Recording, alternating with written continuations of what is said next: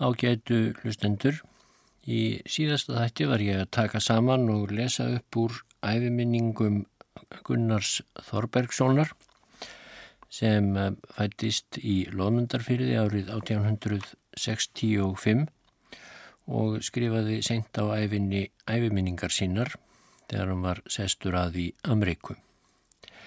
En í frásögninni sem ég var að lesa í síðasta þætti Þar var komið fram á árið 1881 eh, frostaveturinn Mikla sem kallaður var en þá rak ís kringum allt Ísland og þar á meðal inn á Lóðmundarfjörð og þar sáu þeir bræðurnir Gunnar og Jóhann bróður hans Ísbjörn sem komin var að landi. Og þeir skutu á Ísbjörnin og særðu hann líklega þannig að Ísbjörnin sem hafði stemt til hafs snýri við og syndi aftur upp að landi.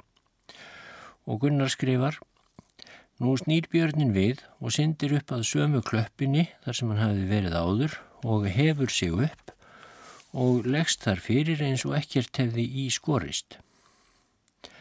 Hýrnaði þá yfir bróður mínum og sagði hann að þetta tiltæki bánsa síndi að hann hefði eitthvað fengið í sig af skotinu sem Jóhann hafði hleyft af að honum.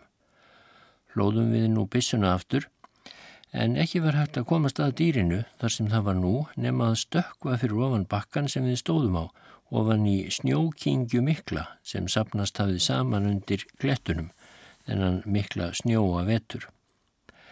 En ekki vorum við að vila slíkt fyrir okkur því nú var komin veiði hugur í stráka.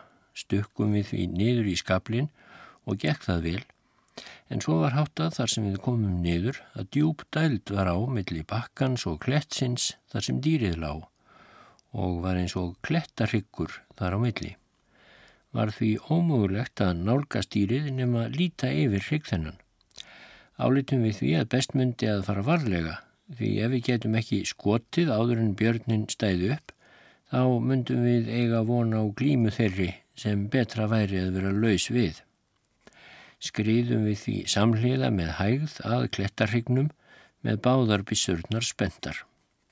En um leið og við gægðum stífir hryggbrúnina og sáum dýrið þá hreyfði það sig eins og til að standa á fætur en í sama byli riðu af tvö skot frá okkur bræðurum báðum og komu bæði skotin í höfuð dýrsins og þurfti það ekki meira. Man ég vel hver gladur við vorum yfir því að hafa lagt að velli þennan viking. Stundum síðan hefur mér flóið í hug að ég vel þótt við síndum þarna talsvert hugur ekki og einum hreisti verk sem kallað var að það væri í rauninni ekki svo aðdánarvert ef á allt var litið. Þarna var ójæmt að víi staðið annars vegar svangt og varnarlaust dýr sem var að leita sér bjargar, eflaust eftir mikið hungur, en hins vegar tvö önnur dýr, útbúin þeim djöfurlegustu drápsvélum sem hugveit og slægðargáfa mannsins hafðu fundið upp og gáttu sendt frá sér eitur pillur sem hinn lægri dýr ekki mega varast nýjaskilja. En Þetta hugsaði ég ekki fyrir henn síðar. Mann hjálp fengum við nú til að koma hennu dauða dýri heim. Það var stort og fengulegt. Fló Jóhann belgin af því, tróðan upp og þurkaði. Var hann þá til að sjá sem lifandi væri og manni að hestum var illa við hann þegar þeir sá hann standa á hlaðinu. Talsvert seldi Jóhann af keti bjarnarins og þótti það höfðingja matur. Nokkur síðar seldi hann haminn og fekk 70 krónur fyrir hann. Það mun hafa verið tveim árum setna, haustið 1883 að sveitakennari var fenginn á heimilu okkar, þó ekki nema lítinn tíma. Hétt hann Sveitin Jónsson. Lítil nót hafði ég af því, engum fyrir það að Jóhann bróður minn viktist á sama tíma, svo ég varð að vera mest af tímanum við gegningar, en þegar ég kom inn á kvöldin var ég svo lúin að lítið varður lærdómi og er þetta þó öll svo mentun sem ég hef orðið aðnjótandi um æfina. Einu sinni setnipart vetrarins fórum við sveitn kennari vestur með sjó að líta eftir reka. Þegar við vorum búin að gangast undir korn fórum við að finna ímislegt rusli í fjörunni, svo sem brotur stólum, borðfætur, rúmgabla og fleira. Þótt okkur þetta meirinn lítið kynlegt og fórum að tala um hvernig á þessu geti staðið. Varð mér þá gengið nokkrum föðmum lengra og sé ég þá bars lík rétt framundan mér. Var það tveggjára gamalt piltbarn, var líkið óskattað að öllu leiti. Tókum við líkið og bárum það til næsta bæjar. Næsta dag bárust okkar fréttir af hinnu ægilega snjóflóði sem fjall úr bjólfstindi yfir fjardaröldu og seyðisfyrði. Setna hyrði ég haft eftir konunni sem barnið misti að þegar snjóskriðan stöðvaðist í sjónum hafði hún verið först í krabbinu með annað barnið sitt hjá sér en hitt, það sem við fundum líkið af, hafi verið ofan á krabbinu, spottakorn frá henni og hafi það þá sagt, er svona kallt að deyja, mamma. Hafi það verið það síðasta sem hún vissi um barnið. Hún komst um síður af með hitt barnið en sé þetta ekki rétt með farið þá byrð ég afsökunar. Ég hef annars ekki getið þess fyrr í æfisugubróti þessu að ég var snemma neyður til að setja hugsanir mínar í stef og vísur en aldrei gæti ég þó aflað mér þeirrar þekkingar í ljóðagerð sem nöðsynlega er til að bóðleg þykji nú á tímum. En þrátt fyrir það hef ég haft mikla skemmtun af að setja einmislegt saman en sjálfur veit ég að mér er þar stórlega ábótavand. En sagt er um fugglana að hver syngi með sínu nefi og svo geri ég. Eftir fréttinnar um slísið á seyðisfyrði þá gerði ég þetta erindi. Er svona kallt að deyja, það sagði barn, á sjónum í krapinur lág og allt í kringum sig helkallt hjarn með hálfbrosnum augunum sá. Nú drápi gerna skriðan, sinn mist hafði mátt, en með sér burt herfangið dró, frá móður þar bjargþróta og byggjandi látt, fyrir barninu elskaða er dó. Nú hef ég skýrt frá því helsta sem ég get munað af æfiminni á Íslandi. Verður nú næst sagt frá ferðminni til Vesturhims og lífi mínu þar til þess tíma sem þetta er ritað.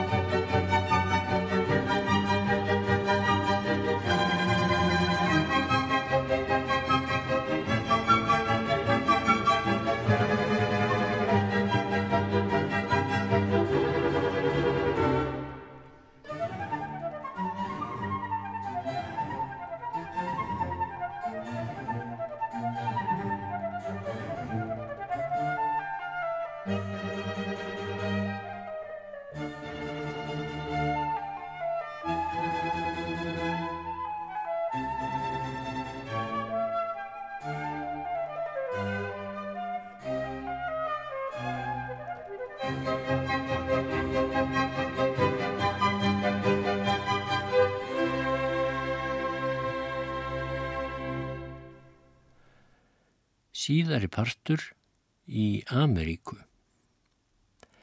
Sumarið 1880 og sjö, þegar ég var rétt rúmlega tvítugur, fluttist ég til Ameríku með móður minni og fjórum sískinu mínum, á samt móður sístur minni og börnum hennar. Frá Íslandi tókum við far með ótt og vatni. Var ferðin hafinn frá Seyðisfyrði. Það var rosa veður og vond í sjó þegar út úr fyrðinum kom. Vorum við bræðurnir lengst upp á þilfari. Okkur fannst að við yrðum sem lengst að horfa og blessaðar æskustöðvarnar því við byggumst við að þetta yrði í síðasta sinn sem við sæjum Ísland og værum við að hveðja landið að hinsta sinni. Fiskimiðin okkar góðu, fjöllin, fyrðina og lálendið og þegar landið okkar færa, landið sem okkur hafi alið og fóstraði í faðmi sínum, landið söngs og sagna var að hverfa sjónum okkar þá kom eitthvað í háls okkar sem svo var það tárum. Líklega hafa flestir sömu sögu að segja sem slíkt hafa reynd. Næsta dag var ílt í sjóin og byrjaði þá hinn alkunna sjóveiki. Höfðum við bræður á samt Ísleifi sem síðar bjó lengi á Mountain í norður Dakota þann starfa að bera burtu þarfadalla veika fólksins. Allt gekk samt bærilega og slísalust til Englands. Ferðin þaðan og til Winnipeg er mér að mestu úr minni liðin og sleppi ég að lýsenni þess vegna. En það eitt mann ég að mér þótti sjóferðin yfir Allandshafið yfir leitt skemmtileg og gaman þótti mér að mörgum nýttilegum svörum Baldvins okkar Baldvinssonar þegar fólkið var að klaga yfir ímsu sem því ekki líkaði á ferðalæginu. Áleit ég að hann stæði vel í stöðu sinni á því ferðalægi en hann var svo kalladur agent sem hafði umsjón með ferð Íslendinga vestur til Kanada. Hvar við dvöldum eða hvað við höfðum stað fyrstu dagana í Vinnipeg man ég ekki vel nema að móður mín og sístur sonur hennar sem hún ól upp til 20 ára aldurs settust fyrst að hjá skáldinu góðkunna Sigurði Jóhannisinni frá Mánaskál. Þá var Vinnipeg lítill bær hjá því sem nú er og ekki mikið að gera þar í bænum.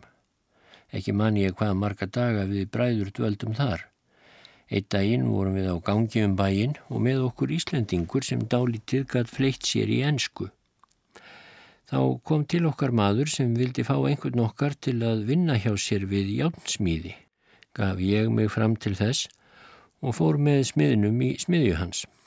Og fyrsta verk mitt þar var að setja skrúfur á játnbolta með þar til gerðu verkfæri. Svo fóru að koma menn með hesta til járnunnar og undraðist ég stærð hestana. Smiðurinn fór svo að játna hestana og þegar hann hafði játnað tvo gerðan mér bendingu um að nú skildi ég byrja að játna. Leist mér ekki meir en svo vel á að farað eiga við slík ferlíki sem hesturinn var. Samt tók ég til þeirra starfa. Ég hafði fengist áltið við játsmíði á Íslandi og kom það í góðar þarfir nú vann ég að játningunni til kvölds og virtist mér smiðurinn ánægður með verk mitt. Reyndan að gera mér skiljanlegt að ég skildi koma morgunin eftir og halda áfram. En mér þótti vinna nervið og málleysið sárt svo ég fór ekki aftur. En oft sá ég eftir því fljótræði þegar ég síðar var að þræla hjá tuttum og íllmennum út á játnbrautum við íllan kost. Stuttu eftir þetta réðum við bræður okkur hjá bóndan okkurum, 14 mílur austur af Vinnipeg. Gerðum við með honum heim til hans um kvöldið, letan okkur sofa í korngeimslu kofa um nóttina, ekki vantar gestrisnina í enni Ameríku. Vaknaði ég við eitthvert óviðfeltið hljóð við dittnar um nóttina. Vakti ég bróður minn sem við getum í saminningu rannsakað þetta fyrir breyði opnuðum við því dýrkofans og sáum þá hóp af stórum fugglum sem við höfðum ekki kynst fyrr og fengum við síðar að vita nafn þeirra er á ennsku máli törki, sama á tyrki á íslensku. En nafn þessa fuggls mun vist oftast vera á Íslandi kalkún. Hafa bændur í Ameríku mikið af þessum fugglum. Um morgunin fær bondi okkur heikvíslar og fer með okkur út á engi þar nálagt og áttum við að kasta heginu sem var í stórum drílum upp í vagn til Karls sem þar var. Urðum við hissa þegar við sáum að láta átti hegið á vagnin með þessum verkfærum. Byrjaði ég svo með því að renna kvíslinni undir drílið líkt og skoblu en þeir sem höndlað hafa heim með þessum kvíslum muni geta giskað á hver mikið bondi fekk í vagn sinna á fyrstu rekunni. En hvað um það, við fundum lagið á vinnubráðum þessum og unnum þar í tvo daga en ekki gátum við felt okkur við að vera lengur hjá bónda þessum og lögðum því að stað aftur til Vinnipeg gangandi með ferðaskrínur okkar á bakkinu. Heitt var um daginn og urðum við þreyttir og máttum til að kvíla okkur með köplum. En þegar við vorum hérum bila á miðri leið kom maður keirandi á eftir okkur og tók hann okkur upp í vagnsinn og kerð okkur alla leið til borgarinnar. Þannig gekk nokkuð bröðsuglega að finna vinnu sem okkur líkaði bræðurum. Ekki mann ég hver lengi eftir þetta við vorum í Vinnipeg. Líklega ekki nema nokkra daga, því litlu setna réðumst við í játbröytarvinnu á samt bjarnar okkur mjónsinni sem ættaður var úr mjóafyrði.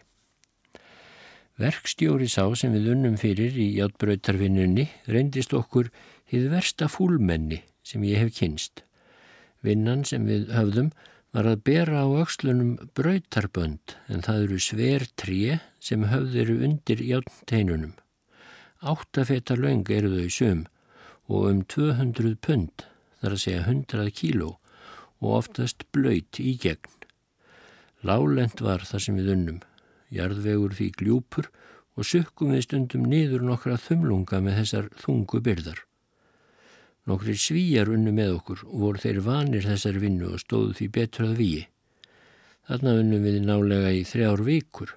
Þá fórum við með stórum hópa verkamönnum 130 mílur austur frá Winnipeg og þar dvöldumst við nokkun tíma en vegna einhverju orsaka vorum við eh, Íslendingarnir lánaðir aftur til mannfílu þeirrar sem við vorum áður hjá og var vinnan hinn sama og í fyrraskiptið. Játbröytarlestin sem við heldum til á nótt og dag rann af stað með miklum hraða á hverju mótni klukkan hálf sjö austur í landið. Svíjar þeir sem áður voru nefndir voru þarna enn og reyndust þeir okkur vel. Einn sunnudag gengum við Íslandingarnir þrýr vestur til smábæjar sem var þremur mílum vestar og heitir Kevatin. Brá okkur í brún að heita þar hópa af Íslandingum sem þangað voru komnir frá Winnipeg. Unnu þeir við byggingu hinnar stóru kveitimölunar millu sem nefnd er Lake of the Woods Flower Mill. Það er á íslensku skóa vatna millan. Er hún stæsta milla í Kanada malar fleiri þúsund tunnur á kveiti á dag. Sjáðu við nú löndum okkar hversu vonda vinnu við hefðum og íllan verkstjóra og kvöttu þeir okkur til að hætta í átbröytarvinnunni og reyna að koma stað við millubygginguna og vorum við fúsir til þess og gengum svo tilbaka um kvöldið gladir yfir voninu um að geta losnað frá tutta þeim sem við unnum fyrir. Sjáðum við hinnum svensku vínum okkar hvað á segði væri og kvöttu þeir okkur í þeirri ráðagerð en tók okkur vara fyrir að láta verkstjóran vita um þetta fyrirfram. Fórum við nú að sofa, gladir í huga yfir vantanlegu frelsi. En óvananlega snemma næsta morgun urðum við þess varir að lestin var komin á reyfingu og þótt okkur það kynlegt því það var miklu fyrr en vanalega. Vorum við að tala um þetta þar sem við lágum í bólunum en þá koma tveir svíjarinn til okkar og sagðu okkur að betra myndi fyrir okkur að tíjast fljótlega til ferðar því verkstjórin hefði líklega einhvern veginn komist að ráðagerð okkar og myndi ætla lestinni að fara svo fljótt af stað að okkur er því ómögulegt að komast af henni. Því stórkostlegt hættuspil er að ætla sér að henda sér út af játbröytarlest ef hún er á hraðri ferð. Sögðu þeir að þeir vissu ráð sem myndi duga. Lestin var nú komin af stað og innan lítillar stundar með fullum hraða. Hér um byl eina mílu frá bænum sem við heldum til í var nýbyggður afarhár sandtryggur sem játbröytin lág eftir og var hann brattur til begja hliða. Það var nú ráðsvíjana að við skildum kast okkur af lestinni innmitt á þessum hrygg því sandurinn var mjúkur og þurr og þá laus í sér. Fylgdu þeir okkur svo út í stígarna sem eru utan á öllum vögnum sem flytja fólk og þar stóðu þeir hjá okkur þar til lestin var komin út á sandrykkin. Letuður okkur þá stökka út einn og einn í senn með ofurlittlu millibili. Tókst þetta vel en ekki gleimi ég þeim loftköstum og botnuveltum sem við tókum er við flegðum okkur út af jötbrutarlestinni. En sandurinn var svo laus í sér að við meittumst ekki neitt en ríkugir urðum við og var það ekki sett fyrir sig því að allt fór þetta vel. En trúað geti ég að verkstjórin hafi tekið upp í sig þegar hún komst að hinnu sanna. Býðum við nú ekki bóðana, gengum til kefatín og fengum strax vinnu við hinna stóru steinbyggingu. Munum við hafa unnið þar í fjóra mánuði. 300 manns unnu við bygginguna og mun þar hafa verið misjafn sögður í mörgu fjö eins og gengur. Í oktoberum haustið heldum við bræður til Winnipeg, var móður okkar þar og uppeldi sonur hennar sem fyrir getur, var þá rætt um hvað best myndi að taka fyrir. Réðum við af að flytja út í Áltavass nýlendu sem er á austurströnd manni Tópavatns. Þangað hafðu fluttum sömarið Jón Metúsalimsson, Jón Sigurdsson og Jón Sigfússon á samt bróður sínum skúla sem hefur verið þingmaður all lengi. Fengum við svo Björn Lindahl sem lengi var flutningakerslumadur í Winnipeg til að flytja okkur og reyndist hann okkur ágætlega eins og öllum sem honum kynntust. Jón Metúsalimsson hafði verið okkur samferða með fjölskyldu sinni frá Íslandi. Kona hans, Stefania Stefánsdóttir, var uppalinn í sömu sveit og ég, þekktum við hanna og fólk hennar því vel. Fengum við heimili hjá þeim hjónum um veturinn. Þar var líka áður nefndur Jón Sigurdsson, kona hans og sonur. Hafðu þeir ekki anríkis vegna getað koma sér upp húsi um sumarið, svo allur þessi hópur var það kuldrast í enda á stóru nautgripafjósi, þar til setnaðum veturinn, að Jón Metúsalemsson var búin að smíða sér bjálkahús. Hann var góður smiður, Jón. Þetta sama sumar fluttu þangað Haldur Haldursson og Henrik Jónsson báður af Ísafyrði. Vorum við þessir sjö fyrstu mennirnir í Áltafas nýlendu. Bústofn okkar bræðra var lítill, ein kýr sem við komum með frá Vinnipeg. Þorðum við ekki að kaupa fleiri nautgripi því við vorum hrættir um að erfitt myndi að fá hei svona seint á tíma. En það reyndist það svo.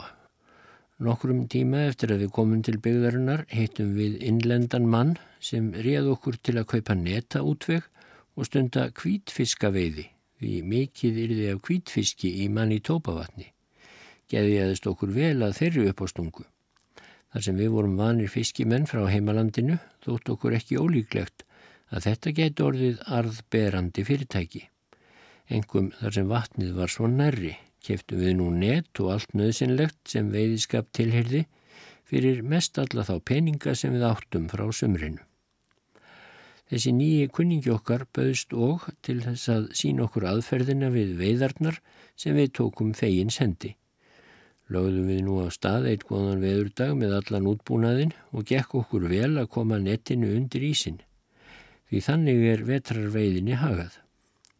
Skildi svo þessi kennari við okkur um kvöldið, svo kom næsti morgun með ljómandi fagurt veður. Láðum við nú af stað til að vitja um netin og meðtaka alla þá auðurlegð er netin mynduðu líkindum færa okkur. Með okkur var Jón okkur Þorsteinsson, aldraður maður úr mjóafyrði sem komin var til Ameríku til að frista gefunar.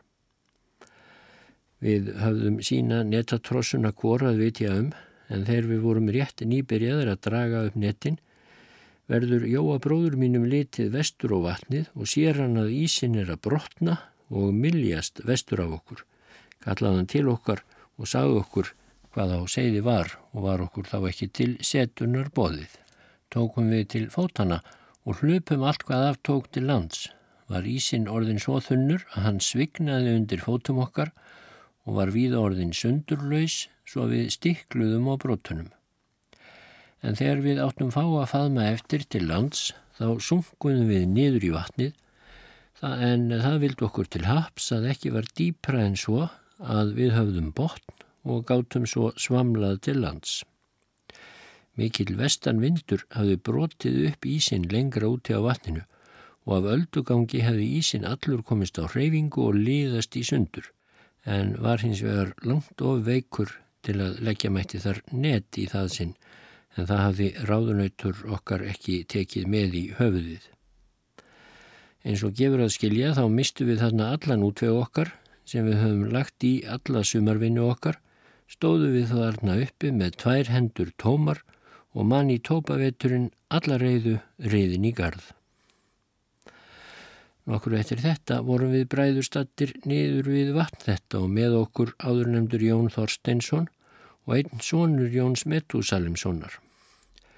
Vorum við með netagarma hálf ónýta að reyna að veiða fisktegund þá sem nefndir pæk á ennsku máli, á íslensku getta Fæst fiskur sá oft fast upp við land og vil í smá kílum og flóapittum er hann heldur léleg fæða. Heldum við þarna til um tíma með við stundum þessa pækveiði og byggum í ómerkilegu kovarreysi matreittum fyrir okkur sjálfur en léleg var fæðan og af skortnum skamti. Brauð byggum við til sjálfur voru það litlir snúðar er á indiánamáli nefnast banek. Býst ég við að nútíðar frúnum hefði kannski þótt lítill lifting í sömum þeirra. Morgun matur var havramjelsgrautur, mjölkur og sikurlaus, stort tínfat höfðum við til að láta grautin í og átum við allir úr því í félagi. Drengurinn sem með okkur var hétt Björn og helt hann oft upp í borðræðum og hafi margt að segja eins og unglingum er týtt var því hlutur hans í gröytarfatinu oft rýr. Saði ég honum því einu sinni að hann skildi ekki skrafa svona mikið meðan hann ætti gröytin. Því gamli Jón ætti þá fyrir þá báða og meðan hann talaði. Næsta morgun saði Bjössi ekki orð meðan við átum gröytin. Segir þá gamli Jón, nú er ekki verið að tala. Hefur honum þótt hlutur sinn af gröytnum minni en vanalega. Höfðum við gaman af þessu og fleiru þarna í fásinninu. Hart svarf að okkur efnaleysið þennan vetur eins og nærjum á geta eftir netatapið. Bjargar lausir vorum við með öllu í þessu nýja landi. Myndi nútíma fólki þykja lélegt að lifa við slíkan kost sem þennan gröð sem var það eina sem við átum þann vetur. Það eina sem við höfðum til að gera okkur gott af og ekki myndi rétt lýsing af lífi okkar þá hafa þótt eins glæsileg og svo lýsing sem söm amerísku brefin fluttu til gamla landsins á þeim tíma. Þar reyndi fólk að gera hlutsinn og hlutskipti öllu glæsilegri en raun var á. En þrátt fyrir allt þá var þessu tekið með íslensku þólgæði án vols eða víls. Síðari part vetrarins lögðum við bræður og sex menn aðrir úr nýlendunni af stað norður með vatninu í því skyni að reyna að afla kvítfiskjar. Því hann var bæði góð vestlunarvara og ágætur til manneldis. Þeir jónarnir áður nefndu áttu sinn uksan kór, voru þeir fengnir til ferðarinnar. Báðir voru þeir ungir og lítið reyndir fyrir jafn langa og erfiða ferð sem fyrir höndum var. Gekk okkur ferðin þó vel fyrsta daginn, komum um kvöldið að bóndabæ við vatnið, bjóð þar skoskur maður nýkomin. Báðum við hann gistingar og var velkomið. Saði bóndi að ekki myndum við komast þessa leið alla á okkar litlu uksum og bauðst til að lána okkur duglegt uksapar sem hann átti og þáðum við það þakksamlega. Næsta morgun var ákvarðað að einn okkar skildi snúa til baka með hína auksana. Vildu allir í hópnum vera lausir við það. En að því að ég sá að auksunum þurfti að skila aftur þá tók ég þetta því að mér. Veður var bjart og fagur þennan dag. Lagði ég nú á stað rólegur og grunlausum það sem fyrir lág í ferðessari. Átti ég að taka nokkra fiska og sleðan á leðinni. Ég hafði um haustið, meðan ég átti enn fíja handbært, keift eina af þessum stærri kúlubissum og hafði ég hana með mér í þessari ferð. Ég let fiskana í poka á sleðan og batt svo bissuna ofan á pokan. Hjælt ég svo áfram. Á fótum hafði ég heima tilbúna leðurskó, voru þeir farnir að þrengja að mér því frost var hart. Kom ég nú þar sem skóur var þryggja milna breyður og lág slóði í gegnum hann. Ég gekk til hliðar við sleðan og held í ásturstöymana, verður mér þá litið á sleðan og sé ég að bissan er farin að síga út af þeim megin sem frá mér snýri. Var hlaupið mín megin því bissan láð þvert yfir sleðan. Tek ég nú um opið á hlaupinu og drekk það að mér og sá ég um leið að hamarinn spentist upp en dætt engin hætta í hug því ég hafði ekkert skotlátið í bissuna en hún var sjálfhlaðningur eins og allar bissur eru nú á dögum sem geima skotið og renna þau fram í hlaupið við lítið eitt handbrað. En í þessu augnabliki, því sama og ég sá bissuna spennast upp, þá reið skot úr bissunni. Fjell ég við á knén og varð strax litið á vettling hægri handa minna og var hann alblóðugur og partur farinn framann af litlafingrinum og er sá fingur síðan stittri en vanalega. Ætlaði ég nú að standa á fættur en vinstri fóturinn vildi þá ekki vinna. Sá ég þá að hinn stóra kúla hafði farið í gegnum lærið rétt fyrir neðan smáþarmanna. Nú var mér byllt við og taldi mér næstum dauðan vísan og bað himnaföðurinn hjálpar heitt og innilega. Síðan rutti ég fiskinum af sleðanum, flegði bissunni á hann og ætlaði að leggja af stað en við fyrsta áttak uksana slitnuðu dráttartrén frá sleðanum. En hvernig ég gætt komið þeim fyrir sleðan aftur, það hef ég nú enga hugmyndum, líklega í einhverju ósjálfræðis æði. Lagði ég nú enn af stað, en ekki var ég komin lengra en nokkra faðma þegar leið yfir mig. Rangaði ég nú samt skjótt við mér, en svo heldu yfirliðin áfram vissi ég nú að ef ég gæti ekki varist yfir liðunum þá myndi mér döðin vís því frostharka var mikil. Tók ég því það ráð að auðsa snjó í andlit mér í hvert sinn sem ég fann til aðsveifana. Þessu held ég áfram alla leiðina til næsta bílis sem voru fimm mílur enskar, byggu þar indjánar. Þegar ég loks komst heimundir bæin, sáu auksatnir hver brunnur var og lagðu þeir þangað beint. Slefti ég þá taumunum og leta á eiga sig. Við brunnin sá ég viðarringlu, tók hana til að styðja mig við, dróst svo einhvern veginn heimað dýrunum með sárum kvölum.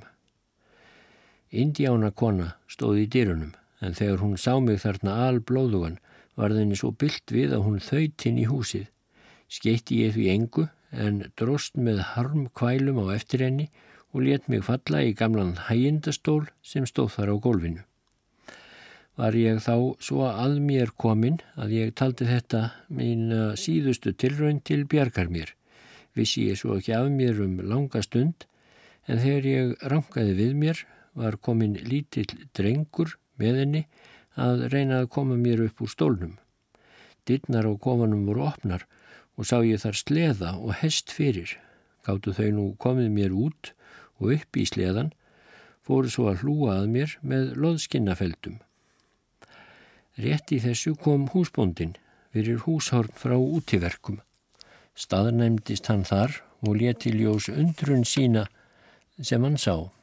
Heyrði ég svo að þau hjónin töluðu eitthvað við drengin á indjánamáli sem ég auðvitað ekki skildi. En þóttist vita að það veri kvartning að flýta sér Kerði svo drengurinn af stað og fór hart með mig. Eftir litla stund komum við að kvítu bjálkahúsi, voru þar þrýr menn úti, var eittir að gráhærður öldungur en allir voru mennirinnir indjánar. Annar þessara yngri manna gæti eitthvað fleitt sér í ensku og let gamli maðurinn hann spurja mig hvort ég treystist til að komast heim til mín og neytaði ég því. Hjálpuðu þeir mér nú að komast inn í húsið var þar hlýtt og vel um gengið, var þar fyrir ung kona, dóttir gamlamannsins og sá ég að hún myndi vera kynblendingur. Þau feðgin breyttu nú loðfeldi þykka og mjúka á gólfið og lögðu mig þar. Byrjaði Karl svo á því að þvó sárið á fingrinum vandlega, dró svo upp smyrsl einhver og draf það í skæni og batt svo rækilega um. Það þótti mér kynlegt að hann skildi byrja á hennu litla sári en hann hefur vist vitað hvað hann var að gera. Tók hann hú til að skoða sárið á lærinu og let hann konuna þvoðað mjög vandlega, tók síðan upp sama smyrslið og lagði við sárið og batt svo fyrir mjög vandlega. Breyttu þau síðan yfir mig loðfeldi og hlúðu að mér á allan hátt. Reyndi nú hinn unga kona að fá mig til að láta eitthvað onni í mig, kom hún með margar tegundir af mat en slíkt var árangurslaust því ég var svo veikur að ég hefði engu getað komið onni í mig. Bauði nú gamli maðurinn mér að senda heim til mín og láta vita hvernig ástatt væri fyrir mér, þáði ég það eins og nærrim á geta. Rissaði ég svo fáinn orð á miða með sáruhendinni, þar sem ég lá á bakinu og gólfinu. Þætti mér gaman nú að eiga þennan miða sem minjakrypp. Áður en lengra er komið frásögninu um slýst þetta vil ég gera grein fyrir tildrögum þess. Af hverju var skot í bissunni?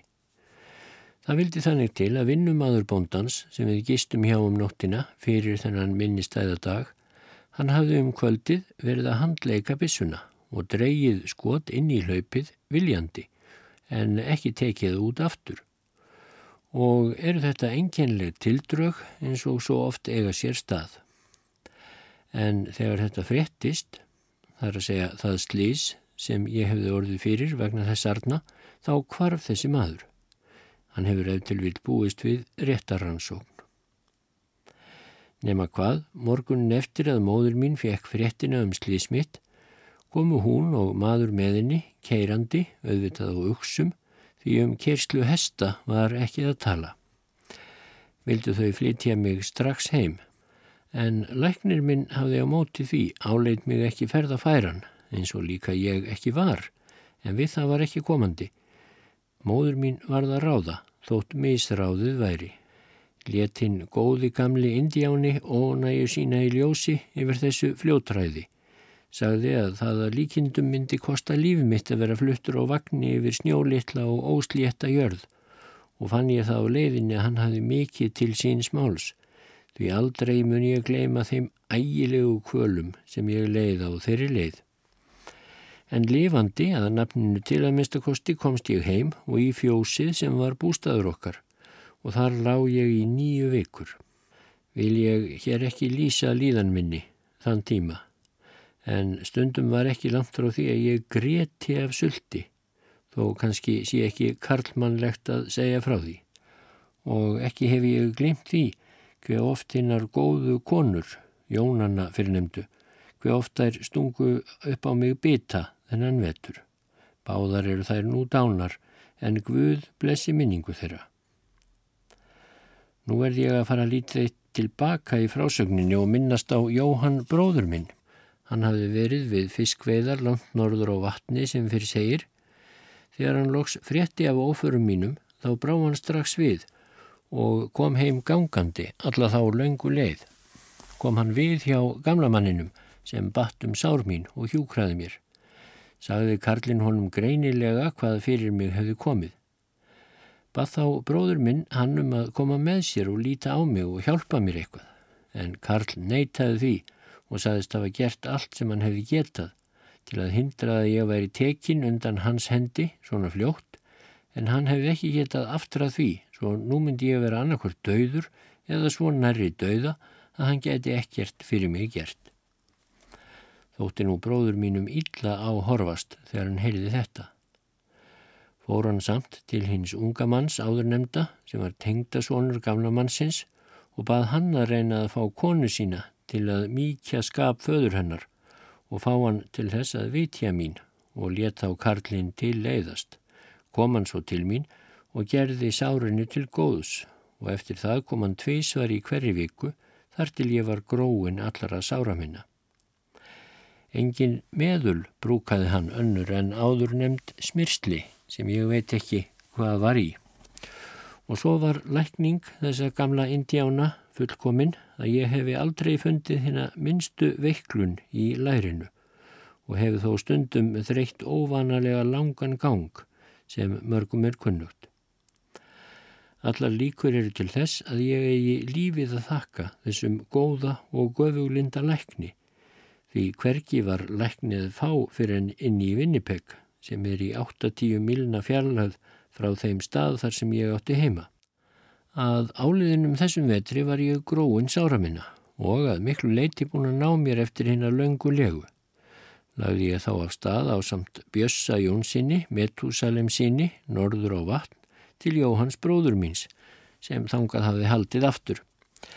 Hafði hann verið með öðru manni þar á lítilli eigu við kvítfiska veiða tilraunir, höfðum við hinn að fyrirnemdu uksa sem ég hafði í slísferðinni urðum við að fara mest af leiðinni eftir vatninu, voru við að samandregnar fannir á því en ber ís á milli mjög hall. Veður var gott og sá til sólar annað slægið. vorum við komnir nokkuð áleiðis þegar annar uksinn datt mjög illa, stóðan ekki upp aftur hvernig sem við reyndum að koma honum til þess og var það síðast ráð okkar að annar færi til þeirra Jóhans sem ekki var mjög langt og fengi þá til hjálpar. Tók það ekki mjög langa stund og kom bróður minn og skoðaði uksan, var fótur hans úr líði og var því að lóunum. Ekki hafði bróður minn mikið upp úr fiskveiðum þessum, lítið meira en mjög lélegt og lítið fæði. Ítla tilbúið brauð og lélegan fisk, því það lítið sem þeir fengu af hvítfiski þurftu þeir að selja fyrir mjöl og annað sem þeir þurftu til að lifa á. Voru þeir því orðnir mjög uh, aðþrengtir af harðrétti þessu. Nokkru eftir þetta um vorið fórum við Íslendingarnir niður að vatni og veitum þá heilmikið af pæk eða gettu, flöttum við hann og þurkuðum, sölduðum líka nokkuð. Það ár fekk ég svo mikinn leiða á þeim fiski að ég geti valla séðan síðan hvað þá meira. Þetta sumar tók Jóhann bróður minn land eina og halva mílu norðaustur frá Lundar sem nú er dálitið Sveitaþorp. Þar byggði hann gott bjálkahús sem hann segir mér nú að standi enn, likur nú járnbraut í gegnum þetta landans. Í Áltafasbyggð dvöldum við í nýju ár og leið okkur allvel þrátt fyrir allt. Gerðist á þeim tíma fátt sem færandi er í letur. Fátæklegt sveitalíf er sjaldan viðburðaríkt. Helsta tilbreytingin voru vestlunarferðir okkar inn til Vinnipeg, voru þær farnar tvísar og ári, haust og vor. Þrjá daga tók að fara kóra leið, stundum lengur. Heldur voru þær ferðir þreytandi en þó að öðru leiti ekki óskemtilegar og því oftast var margt fólk samferð okkur, bæði konur og karlar og var oft glatt á hjalla þegar sest var að á áningarstað og gott var veður. Veslunarvaran var eh, fyrst lengi vel aðeins smjör sem sapnað var í stóra trétalla tóku þeir stærstu 60 pund, aðrir 40 og 20 voru dallar þessir gemdir í sérstökum mjölkurhúsum sem voru köld. Oftast mun það hafa verið okkar gamli og góði Árni Friðriksson sem hlaut þessa smjörvöru því Íslendingarnir skiptuðu flestir við hann á þeim tíma. Smátt og smátt er byggðin tókað blomgast voru bændur að fjölka nautgripum til að selja og var sala fyrir þá oftast bærileg fór þá og flestum að líða bærilega. Oft fór ég þessi ár til Vinnipeg að leita mér atvinnu og gekk það oftast vel. Var það byggingarvinna sem best var borguð þá. Vinna algengra verkamanna við þær byggingar var svo að bera múrsteina og kalkgröð upp stiga, stundum marga stiga ef byggingin var há. Var þetta borið í djúpum og mjóum trógum og aukslinni en allangt skaft var fest neðan og tróið, láð það svo nýður og annari hlið mannsins, hafði tróið því góðan stuðning og gatt vanur maður haft báðar hendur lausar ef hann þurfti. Voru þessi tróg full af kalkgröð mjög þung, líklega alltaf 170 pundum eða 65 kíló, en múrsteinarnir lítið eitt léttari. Þótt þessar byrðir væri þungar, vöndust menn förðu fljótt á að hlaupa með þær upp og niður, háa og bratta stiga, kannski fjóru eða fimm. En óhöll og líjandi var stík vinna, en það er hún nú að mestuleiti niður lögð. Það mun hafi verið fyrsta sömarið sem við vorum í Áltafarsbyggð að ég fór til Vinnipeg að leita mér vinnu. Var þá atvinnubrestur mikill þar um slóðir og gæti ég enga vinnu fengið og leitaði ég þó fyrir mér voru á fætur klukkan 6 á mornana og gekk fram og aftur um bæin til kvölds og þessu held ég áfram í viku en allt var árangur En þá sagði einhver mér að vinna myndi fáanleg í Brandon, það er bærum 33 mílur vestur af Vinnipeg. Lagði ég nú á staðfangað eftir ég hefði fengið lánað fyrir fargjaldi. Kem ég til Brandon um kvöldið eftir að farið var að dimma, man ég hvað mér fannst ég vera mikill einstæðingur þar sem ég var að rangla á hjáttbröttarstöð innan um fólksfjöldan sem ættiðir í kringum bröttarstöðar, öllum ókunnugur og lítið búin að læra í landsmálinu.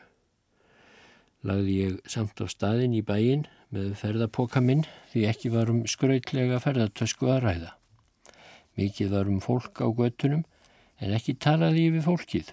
Þar til ég mætti einum manni sem ég vogaði mér að ávarpa, gæti ég gert honum skiljanlegt að ég væri að leita að Íslendingum. Var hann svo greiðvíkin að ganga með mér allangan spöl, komuðu loksað húsi þar sem börn voruð að leika sér, heyrði ég þá að eitt barnana sagði Mamma. Held ég að það orð hafi aldrei látið betur í eirum mínum en í þetta sinn. Þarna hitti ég þá loksins nokkra Íslendinga. Var ég hjá þeim í nokkra daga þar til ég fekk vinnu hjá bóndaeinum 15 mílur suðaustur af Brandon. Vann ég þar í fjóra mánuði við plægingu, var það líjandi vinna að ganga á eftir plógi frá morni til kvölds, dag eftir dag. Lítið var kaupið, aðeins átjándalir um mánuðin og oft hugsaði ég með mér hvað ég hefði verið að þvælast þetta heimann frá landinu mínu fagra, Íslandi.